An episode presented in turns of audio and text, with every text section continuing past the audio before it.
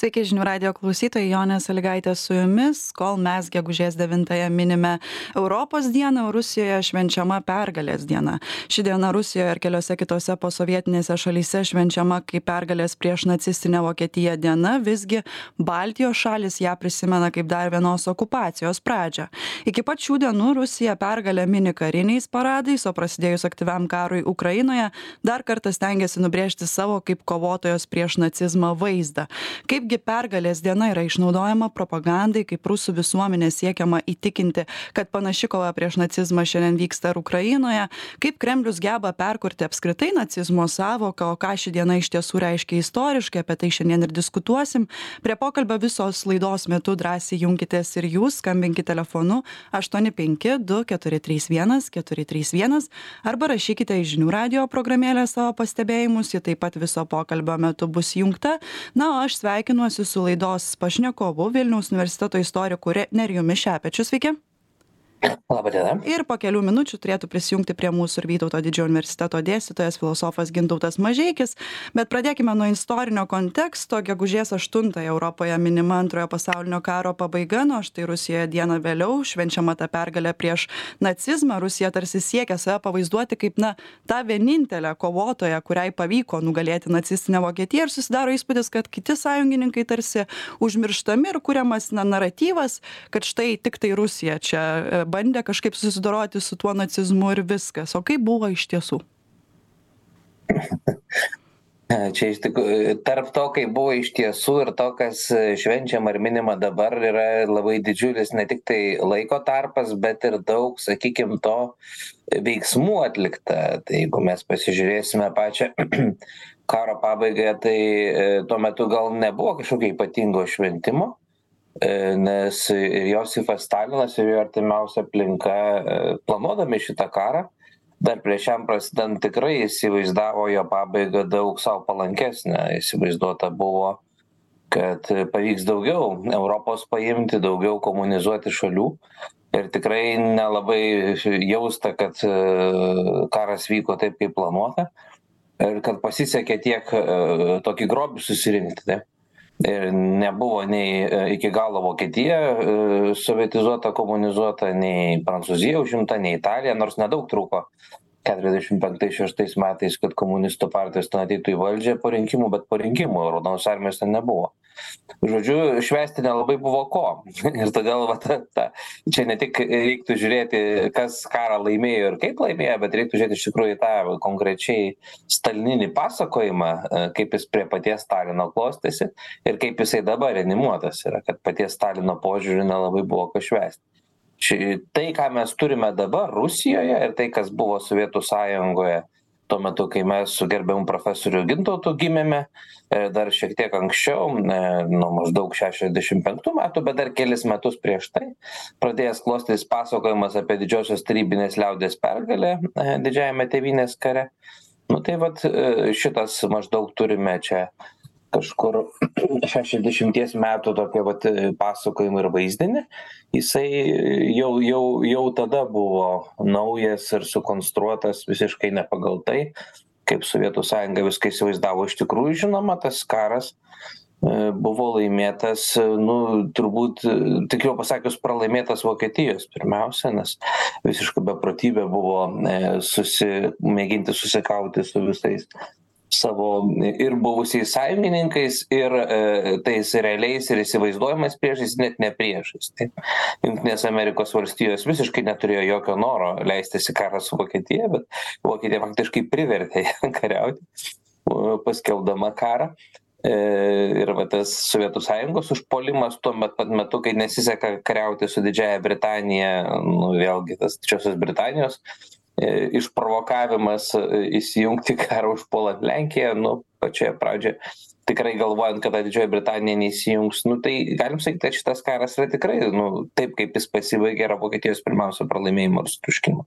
Kapitulacijos karas laimėjus čia tikrai nebuvo, nes tokios didžiulės žmonių žūtis, nieks nelabai įsivaizduotų, kad čia būtų ką švesti ir normaliame pasaulyje iš tikrųjų pirmiausia kalbama apie būtent apie pralaimėjimą nacionalsocializmo ar taikos pradžią kažkokią tai na ta pergalė kuri čia minima paskutinius šešiasdešim metų sovietų sąjungoj rusija yra veikiau tokio visai apie ką kitą istoriją ką tokia ideologinis pasakojimas komunistinis kuris kuria naujus priešus ir ir toliau tęsia kovą kaip kaip lenino laikais ir ar ten tais ikikariniais stalino laikais. Čia yra istorija apie kitus dalykus ir vat kaip mes matome šiais laikais galima visada surasti naują nacizmą naują fašizmą su kuriuo reikia kariauti kur reikia nugalėti ar tokioje idėjinėje plotmėje ar ar fizinėje pone mažeiki na susiformavo tas kovotojas prieš nacizmą tarsi vaizdas ir dabar jį bandoma parduoti ir ukrainos kare. Kaip įmanoma įtikinti na visuomenę? Žinoma čia gal sudėtinga atsakyti nes rusijos propaganda veikia turbūt visu pajėgumu kad tai padarytų bet kaip įmanoma įtikinti kad na nacistinė vokietija yra lygu e, ukraina dabartinė? Na e, jūs e, teisi bet e, pirmiausia reikia atminti kad po antro pasaulinio karo apie ką jau čia buvo kalbėta sovietų sąjunga naudojo panašią propagandą kalbant apie baltijos šalių ir ukrainos nacionalistus. Kitaip tariant jeigu jūs atsiversite jų tenais raštus apie pokarį kaip buvo pokaris interpretuojamas tai buvo kalbama nuolat kad E, baltijos šalių pavyzdžiui lietuvos ar ukrainos e, nacionalistai fašistai ir po kableliu buvo vartojama. Todėl e, analogiškai pagal štai šitą palyginimo arba vaizduotės grandinę baltijos ir tai latvijos estijos lietuvos atitinkamai ukrainos vakarų ukrainos kabutėse patriotai nacionalistai visada buvo įvardijami kaip ir fašistai. Todėl tas fašizmo terminas buvo vartojamas kitaip nei vakarų šalyse. Vakarų šalyse jis buvo atvirai siejamas su tuo kas visų pirma skelbė italijos fašistai. Tai yra grupuočių susivienijimas siekiant ten atkurti pavyzdžiui romos didybę musolinis.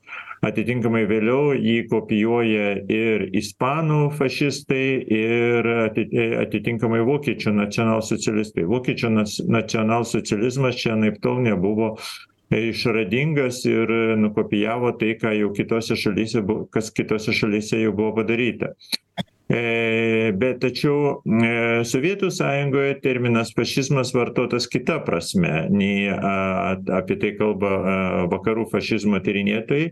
Ir todėl šioje vietoje labai dažnas yra e sąvokų painiojimas ir vienas kito vienas kito nesupratimas.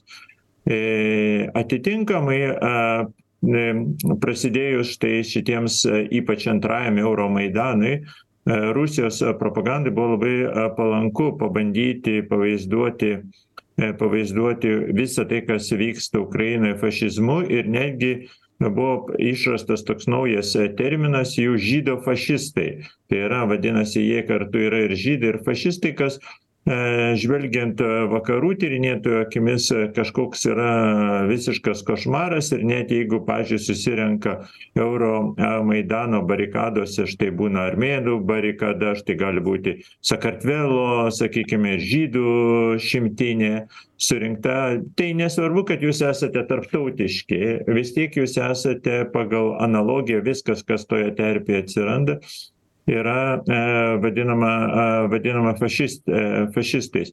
Niekada nemanant ir negalvojant kad pati rusija galėtų tapti fašistine bet būtent ne ta sovietine prasme o būtent musoliniška prasme kurios sovietų sąjungoj niekada ir nebuvo rimtai svarstoma. Buvo žinoma vienas kitas mokslininkas bet e paprastai tai būdavo ne iš esmės šiandien pavyzdžiui yra labai įdomu kad įvairūs vakarų tyrinėtojai fašizmo ima įvairias fašizmo skales jų yra suku sukurta pakankamai daug. Pavyzdžiui teodoras adorno ir jo grupė su su sukūrė daugiau kaip šimto duomenų skalę o pavyzdžiui umberto eko keturiolikos punktų skalę.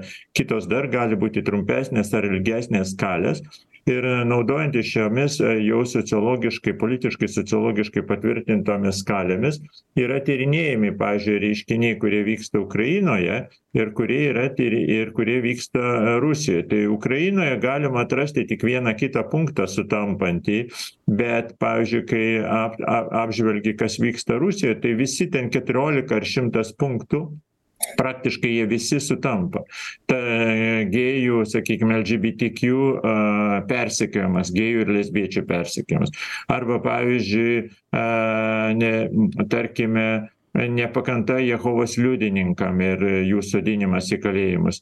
Kitaminčių persekiojimas arba žiniasklaidos žiniasklaidos įvairovės uždarymas arba praeities mitolo karinės mitologijos aukštinimas bandymas surasti kažkokius tai mitus. I o šiandien šiandien mes matome tiesiog a apofes apofėjozę tokia viršūnė a visos šitos a vi viso šito vaizdavimosi kita vertus rusiškas fašizmas turi ir savo a problemų. Paprastai fašistiniai lyderiai būna labai stiprūs ir a stengiasi išvengti akivaizdaus akivaizdaus me tokio visiško melavimo tuo tarpu pati gegužės devintosios šventė apie ką jau čia buvo minėta paradoksaliai yra kopija gegužės aštuntosios. Čia yra rymeikas arba jeigu norite bisui iškvietimas. Antras pasirodymas čia yra netikra kapituliacija. Kapituliacija jau buvo gegužės aštuntą dieną pasirašyta.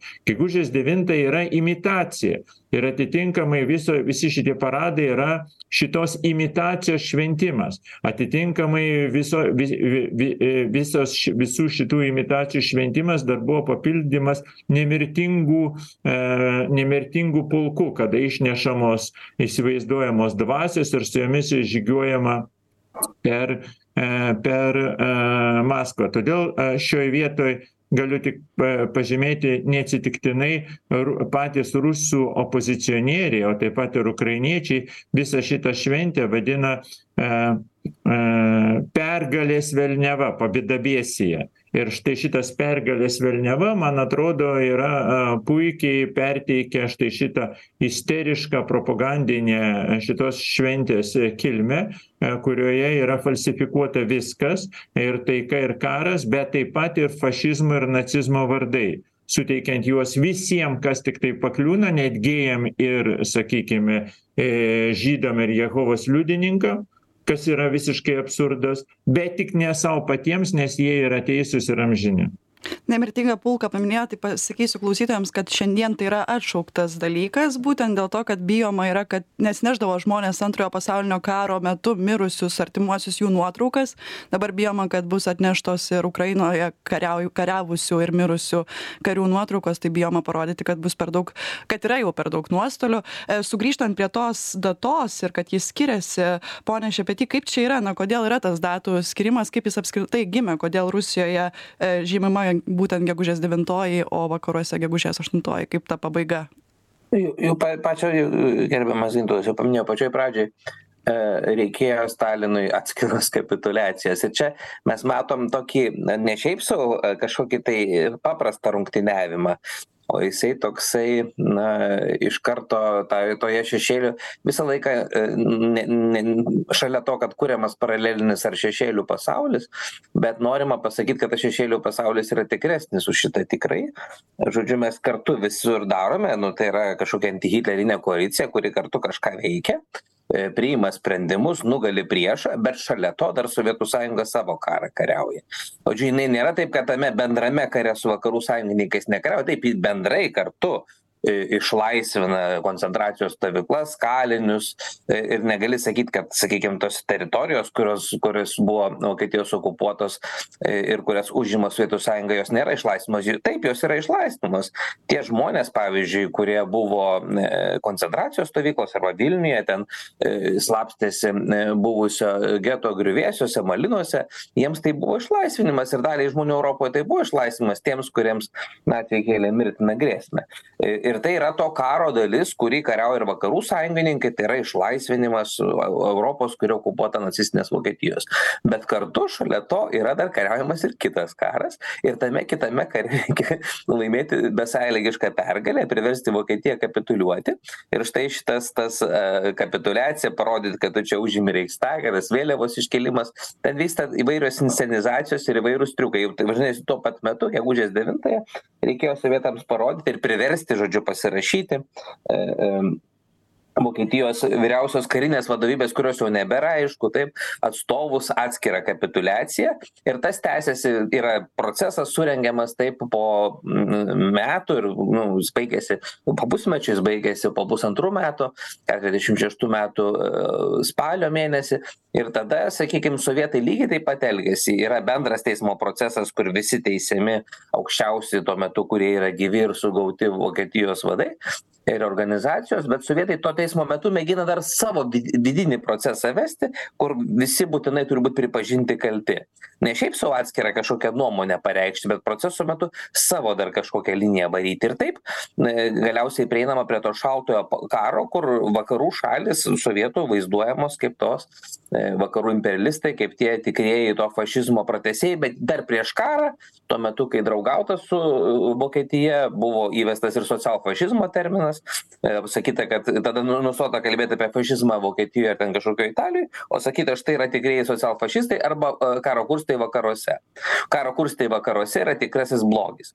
Žodžiu tai reiškiasi kad ne šiaip yra sąvokos supainiojimas bet nuolatos yra tas tikrasis priešas ar blogio šaltinis e, e, e, kad kur ku kuris ku kuris yra įvardijamas ir kurio vieta nuolatos keičiasi. Reikia sekti balsą iš maskvos ir ką balsas pasakys ten turime atkreipti savo dėmesį ir to neapkęsti orvelas tai yra labai tikrai puikiai parodęs kad nu ne čia nėra jokio pastovumo. Ir todėl jisai gali nu nusikreipti ten į kažkokius pribaltų nacionalistus į ukrainą į dar kažkur kur paskelbs kad tau tuo metu yra tas blogio šaltinis ten tu ir nukreipsi savo neapykantą tau nereikia mąstyti ir todėl labai nesunku tuos žmones mobilizuoti nu kurie yra prie to pripratę. Ir tas šitas karas nu iš dalies jisai buvo kaip tikrovė iššūkis nes tie žmonės kurie buvo fronte nu jie tarsi matė tą situaciją. Ir tie kurie su karo tikrove susidūrė neatsitiktinai nemaža dalis žmonių kurie patyrė karą savo kailiu po karo atsidūrė nu sakykim tokiuose kaip ir kaip ir lageriuose taip. Ir tie kurie buvo išlaisvinti iš realių koncentracijos lagerių ir tų kurie buvo fronte jiem negalėjo tiesiai keliauti namo jiems dar teko šiek tiek išsivalyti kad kad kaip sakoma šitas tikrovės luobas nusiimtų ir vėl galėtų grįžti į tą ideologizuotą tikrovę nu ne ne visai tikra tikrovė. Tai štai šitas šitas karas ypatingas tuo kad tie dalykai kurie nematomi sovietams jie visą laiką buvo svarbesni.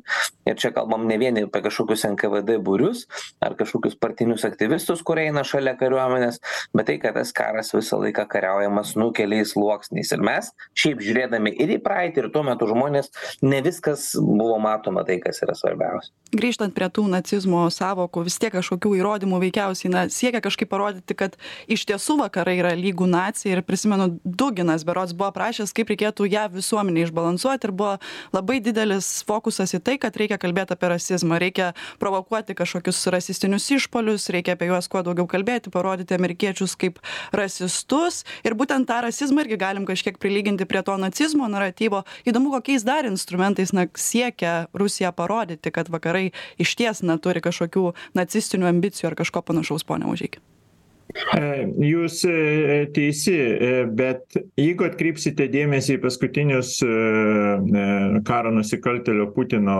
pasisakymus, tai pamatysite tokį dalyką posūkį į taip vadinamą postkolonializmą. Staiga žodžiu čia reikėjo suvienyti rusų pasaulį kurti rusų pasaulį jis turi laimėti. Dar prieš tai buvo atkurti sovietų sąjungą arba kažkokius jos elementus. O dabar atsirado dar ir toks papildomas dalykas kaip kova prieš vakarų imperializmą ir štai šitas vakarų imperializmas ir yra lyginamas su fašizmu. Atitinkamai antrą pasaulinį karą jau laimėjo ne koalicija o tiktai sovietų sąjunga ir net ne sovietų sąjunga o tiktai rusija. Štai tas istorijos perrašymas ir perdarimas apie ką čia buvo minėta rusijoje vyksta nuolatos kijevo rusijos jau nebebuvo ukraina žinoma kare nebuvo įtraukta didžioji tragedija buvo ne ukrainoj o rusijoj ir jie tiktai vieni ir laimėjo nes visi kiti buvo sukčiai ir apgavikai įskaitant amerikiečius amerikiečius ir britus. Tai čia yra tokia labai didelė banalizacija.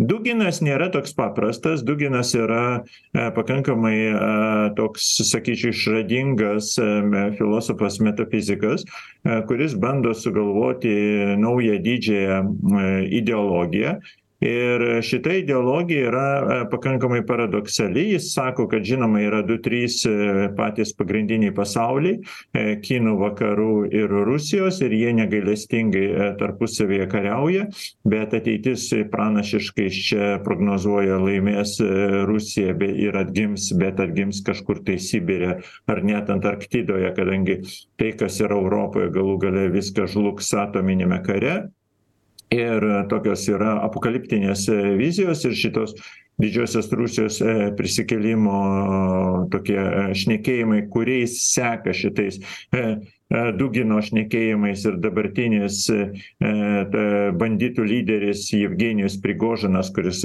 kartoja nuolat dugino vieną arba kitą tezę. Ir štai šitame kalbėjime reikia kažkaip tai parodyti kodėl gi vakarai yra blogi ir tada ieškoma ko kažkokios atramos. Ir aptinkama kad šita atrama galėtų būti kova su imperializmu. Kova su imperializmu gali suvienyti visas jų jau putino įsivaizdavimu ir dugino įsivaizdavimu su suvienyti visas sakykime antiimperialistines pasaulio jėgas visų pirma lotynų amerikoje ir afrikoje į kurias kreipiamasi ar net azijoje į kurias kreipiamasi. Atitinkamai čia ir japonija įkliūna už jos imperializmą lygiai taip pat ir tada kinija galėtų būti kartu ir iranas besikaujantis prieš imperializmą kartu ir šiaurės korėja yra kartu.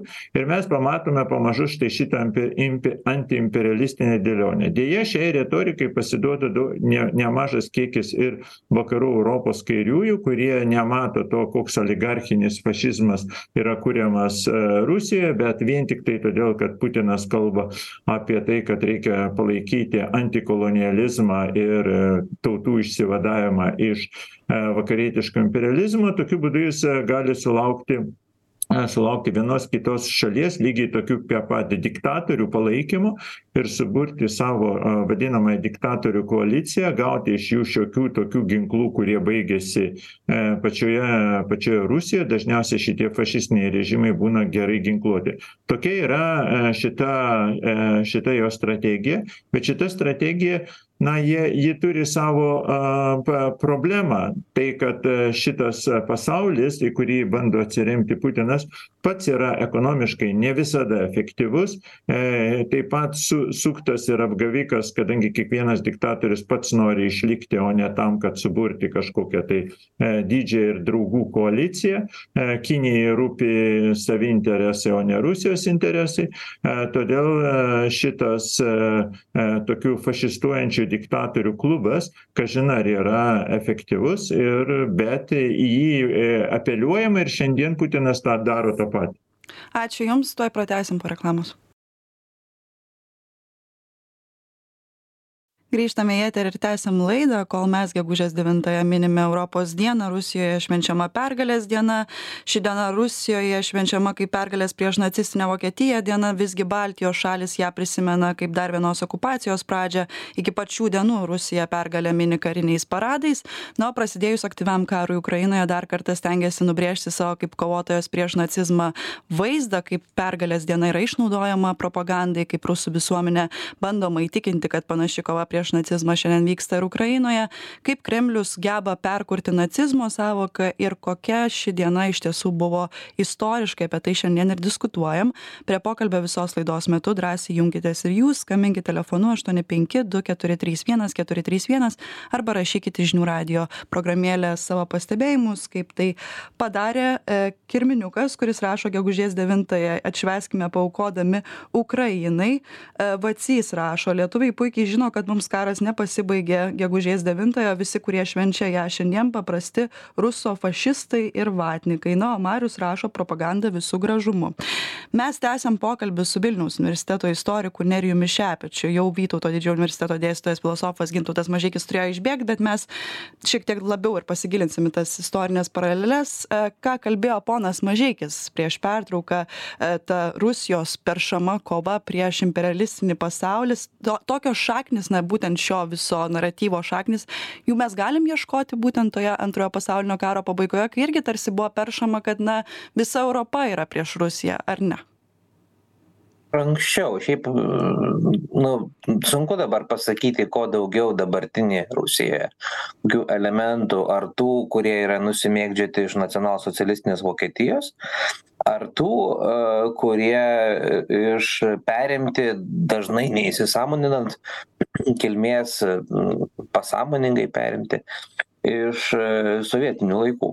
Bet le leninui užgrobus valdžią rusijoje toje silpnoje demokratinėje porevoliucinėje rusijoje septynioliktų metų pabaigoj aštuonioliktų metų pradžioje iš karto žodžiu susidurta su tokiu reiškiniu kaip tokia nu pasaulinis nustebimas kurį leninas traktavo kaip priešiška apsuptis. Ir iš karto buvo eskaluojama pasaulinė revoliucija žodžiu priešas mus supa puola intervencija buvo vienas iš pagrindinių tokių motyvų kuris mobilizavo tą rusijos paskui jau sovietų sąjungos visuomenę kad štai viso pasaulio imperialistai ruošiasi rusiją užpulti įsiveržti ir sunaikinti jauną tarybų respubliką.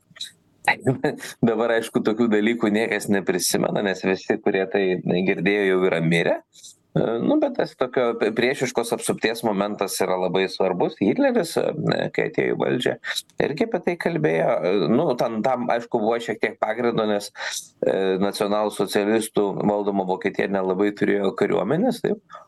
Tokia tokia truputį pogrindyje tiktai kuriama ir aišku jeigu būtų norėję valios turėję vidinių jėgų vakarų valstybės net kokia nors austrija galėjo štai įsiveržti okupuoti dalį vokietijos teritorijos nes turėjo kariuomenę.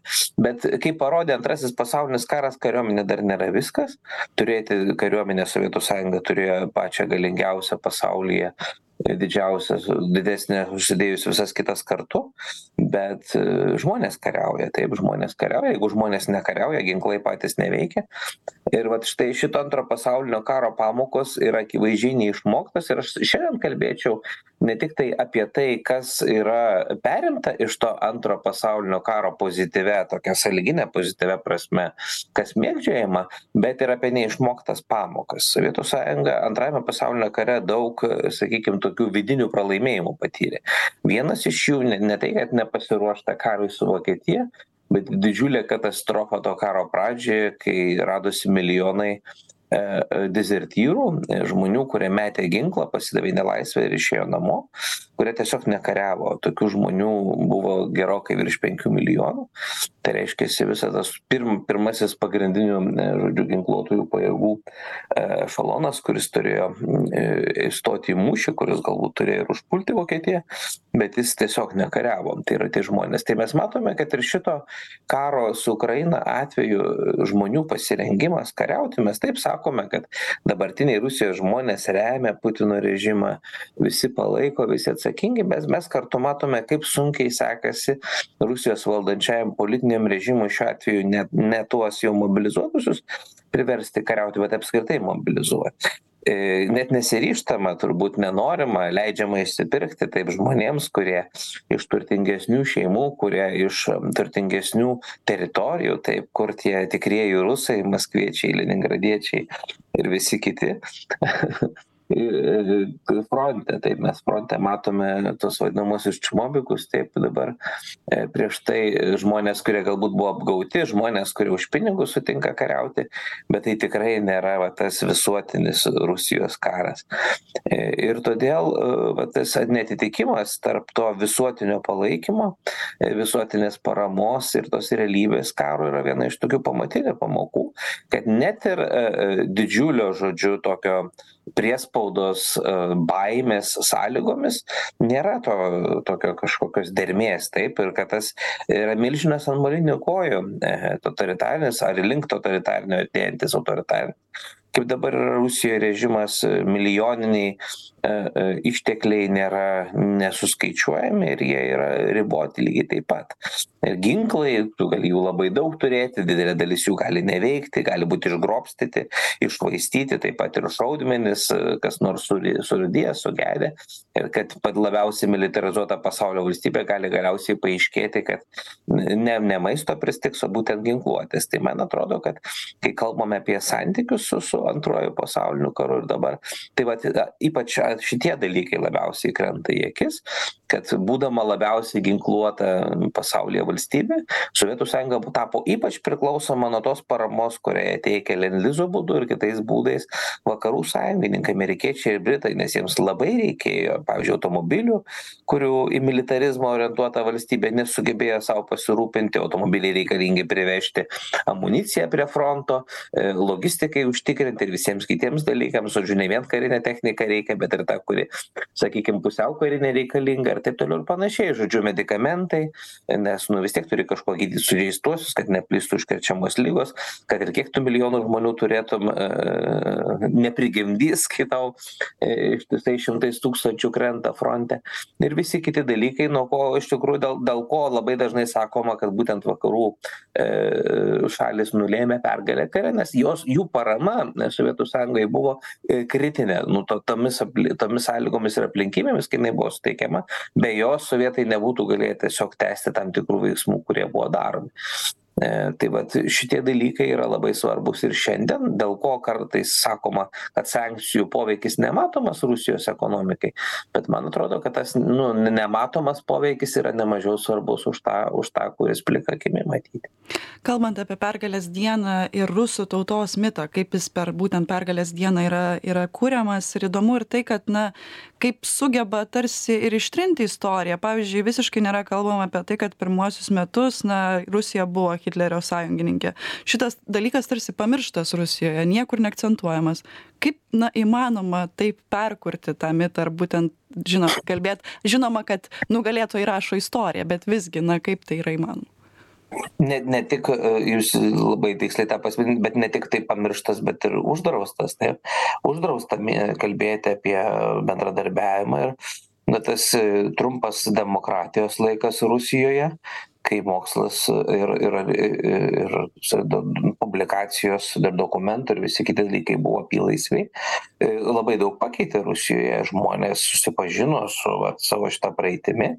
Jeigu galbūt sakykim didelė dalis paprastų žmonių ir netikėjo kad va čia pavyzdžiui tos katynės žudynės lenkų karininkų ir aukštų e, visuomenės veikėjų yra yra sovietų darbas tai dėl deportacijų pavyzdžiui jokių abejonių niekada nebuvo ir ir tos keturiasdešim pirmų metų deportacijos kurios ukrainoje pavyzdžiui buvo daug didesnės negu baltijos šalyse ypač lietuvoje daugiau žmonių buvo ištremta nes ten labiau ruoštasi karui prieš vokietiją.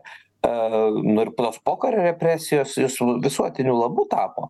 Ir aš manau kad žmonės dabar tikrai tų dalykų niekaip nepamiršo ir tas bendradarbiavimo konkrečiai su vokietija faktas irgi yra lygiai tokia pat žinojimas nes ir slaptieji susitarimai ir teritorijų dalijimasis nu tokie kaip buvo ir ben dokumentiniai filmai eidavo per nacionalinę televiziją nu negali tu taip tų ypač vyresnių žmonių sąmonės pakeist o tų kurie jaunesni nu nu vis tiek ta informacija naudojasi. Aš manau kad čia yra toks nelabai sėkmingas ėjimas šiuolaikiniame pasaulyje ir nemanau kad čia kas nors labai ką nors pamiršo ir labai kad kas nors deda daug vilčių tiesiog yra mėginama i vat atlikti tą patį veiksmą kurį aš mėginau sakyt šalia tos sakykim įvairovės pasaulio su su su su dalykais kaip buvo iš tikrųjų kaip pasakojama mėginama dar varyti ir tą tokią propagandinę liniją tikintis kad šitame sąmyšyje pavyks tiesiog užvaldyti dalies žmonių vaizduotę.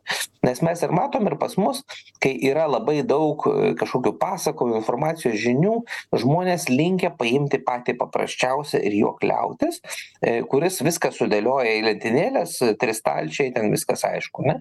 Tai va tas propagandinis naratyvas paprastai tikisi sėkmės nu kad žmonės pasimes informacijoj ir kliausis tuo ką galiausiai valdžia sako ar ar ar prezidentas pasako jeigu ir pas mus yra tuose pokomunistiniuose kraštuose pasikliovimo kažkokiu tai vienu autoritetu kuris yra nu nežinia išvis ką ką iš kur ta gauna galią ką nors žinoti ar ką nors spręsti tai nu ta vadinama prezidento institucija. Tai ką kalbėt apie autoritarinius ar dar ar dar griežtesnius kraštus. Todėl va tas kliovimasis prezidento autoritetu labai dažnai su sudeda tenai įvairių keistų turinių ir vienas iš jų yra va tas draudimas net baudžiamąja atsakomybe dabar rusijoj labai daug kas baudžiama baudžiamuoju kodeksu numatytais straipsniais vat kalbėti apie bendradarbiavimą su nacionalsocialistine vokietija. Tai va šitas trisdešim devintų keturiasdešim pirmų metų laikotarpis kai ne šiaip sau buvo veikta kartu bet ir nepriklausomos valstybės buvo naikinamos dalijamosios jų teritorijos žmonės tremiami iš vienų ir kitas ir vykdomi masiniai nusikaltimai. Tai yra šaudomi žmonės žudomi ir kitaip persekiojami. Tai vat šitie visi dalykai dabar yra visiškai uždrausta apie juos kalbėt. Nors akivaizdu kad nu šalia to mes galim matyti kad pilnos bibliotekos knygų vis dar pilna internetas pasiekiamų vaizdo įrašų kur visi tie dalykai atskleisti ir dokumentiškai įrodyti tai tam tikra tikrai tokia nu kažkokia viešoji skizofrenija sugriuvus sovietų sąjungai įdomu buvo persvarstyta galbūt kad na ta data ne visiems reiškia tiktai gėrį kitoms šalims reiškia okupacijos pradžią. Ar buvo kažkada na bent jau atsiprašyta arba pamąstyta kad galbūt tikrai nereikėtų čia tų e karinių paradų daryti kai tam tikroms tautoms tai reiškia na sunkią istoriją ir ir neigiamą istoriją tiesą sakant apie tai nesu rašęs bet dabar tiksliai neprisimenu atrodo kelis metus tikrai nebuvo paradų. Arba jie ypač minėjimai vyko kartu tai tas tikrai ir buvo derinama su vakarų šalimis. Tas gegužės devintoji buvo traktuojama kaip aštuntosios pratęsimas nu čia va vieną dieną kurioj nors vakarų sostinėje kitą dieną maskvoje.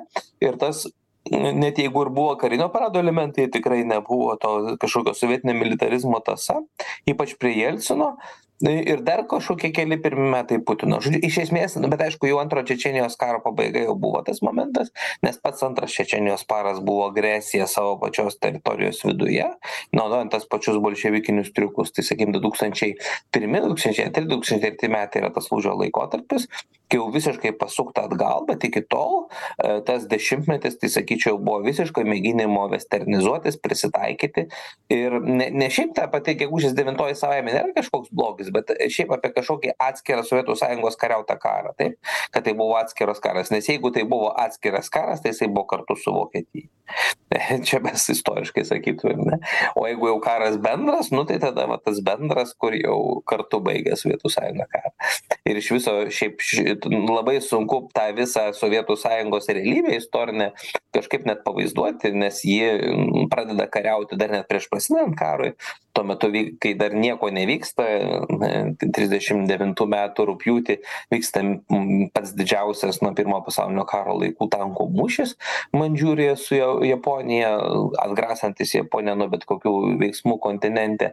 Išvis labai sunku tą sovietų sąjungos kažkokį tai sakykim tai tai tai tai taikingumą kažkokį kažkur įžvelgti tai yra nu sakau pati militariškiausia valstybė pati agresyviausia valstybė ir jos tas įsi į įsijungimas į karą iš esmės yra karinės jėgos demonstravimas ji nepripažįstama kariaujančia šalimi trisdešim devintais metais kai įžengė į į rytų lenkiją paskui į baltijos šalis bet kiekis tos kariuomenės kuria ji disponuoja kur įveda visiems darė didžiulį įspūdį net per karą su suomija. Tai žodžiu tas vat karingumas jisai tikrai niekur nu nėra nėra vat dingęs ir todėl nu jeigu jau tu kažkaip matai tą visumą tai tu negali sovietų sąjungos į vieną kažkokią lentynėlę padėt turi mažiausiai į į į į net ir į dvi net negali padėt nėra taip kad jei ten kažkur karas pas jinai toliau tęsia karą po keturiasdešim penktų metų gegužės devintosios ir net iki šiol pripažįstami karo veteranai sakykim nu tie kurie buvo stribai kurie dalyvavo žmonių persekiojime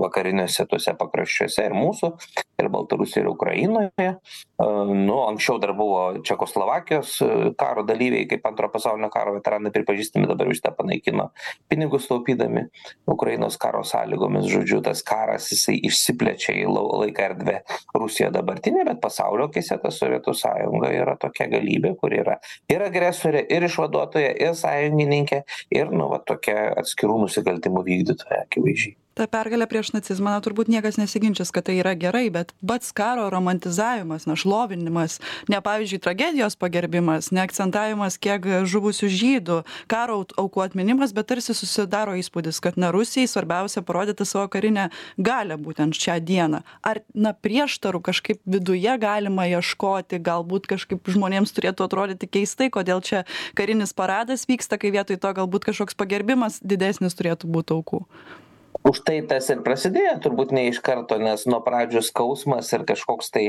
asmeninis gedulas buvo svarbiausia nes iš didelė didžioji dalis tų nužudytųjų žmonių vis dėlto buvo sovietų sąjungos teritorija ir iš tų šešių milijonų žydų aukų pusė buvo sovietų sąjungos teritorija ir reikia nepamiršti iš bado mirusius milijonus trys man atrodo trys milijonai sovietinių karo belaisvių kurie irgi yra tokios karo aukos aš jau nekalbu apie fronte žuvusius žmones žmonės žmonės kurie iš esmės badu pavyzdžiui mirė kaip leningrado gyventojai dėl jau sovietinės vadovybės kaltės tiesiog jais nebuvo pasirūpinta nors buvo visos tos galimybės. Žodžiu milijonai nužudytų mirusių ir žuvusių žmonių ir jie turi dar didesnius milijonus artimųjų iš esmės kas antra trečia šeima turėjo netektis ir jiem žinoma tas apie pergalę čia jokios kalbos nebuvo.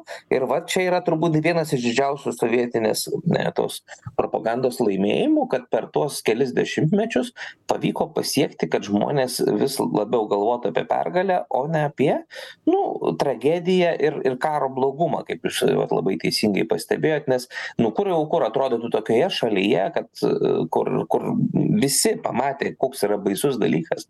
Karas kaip jis viską sunaikina kad tas karas būtų trokštama ir jo no norima taip. Ir čia vėlgi ta afganistano patirtis sovietų sąjungos agresija afganistanui kai nuostoliai buvo gerokai mažesni netikėtas šokas buvo. Labai daug to antisovietiškumo įvairiose sovietų sąjungos pakraščiuose atsirado būtent dėl to kad šeimoje atsirado vėl netektys taip dėl afganistano karo. Žodžiu tai vis dėlto ta gerovė ane kažkokia tegul ir socializmo sąlygomis. Jinai jinai kažkaip kitaip priverčia žmogų patir išgyventi asmenines netektis negu tas stalininis nu vergija kur kur galbūt net žmonės įpratę buvo prie tų mirčių žūčių ir ar žmonės šiaip miršta žūsta ar karas matyt nebuvo tokio didelio skirtumo.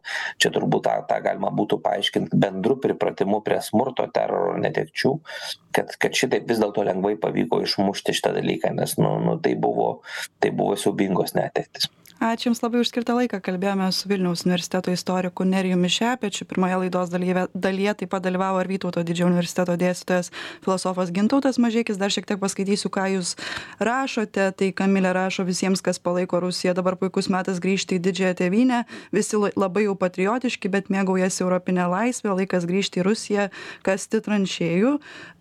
Tomas rašo manote lietuvos žydus žudė tik atėję vokiečiai į mūsų šalį? Čia turbūt atskiros laidos reikėtų svarbi istorinė istorinė problema lietuvoje kuri taip pat galbūt dar ne ne pernelyg daug yra pripažinta.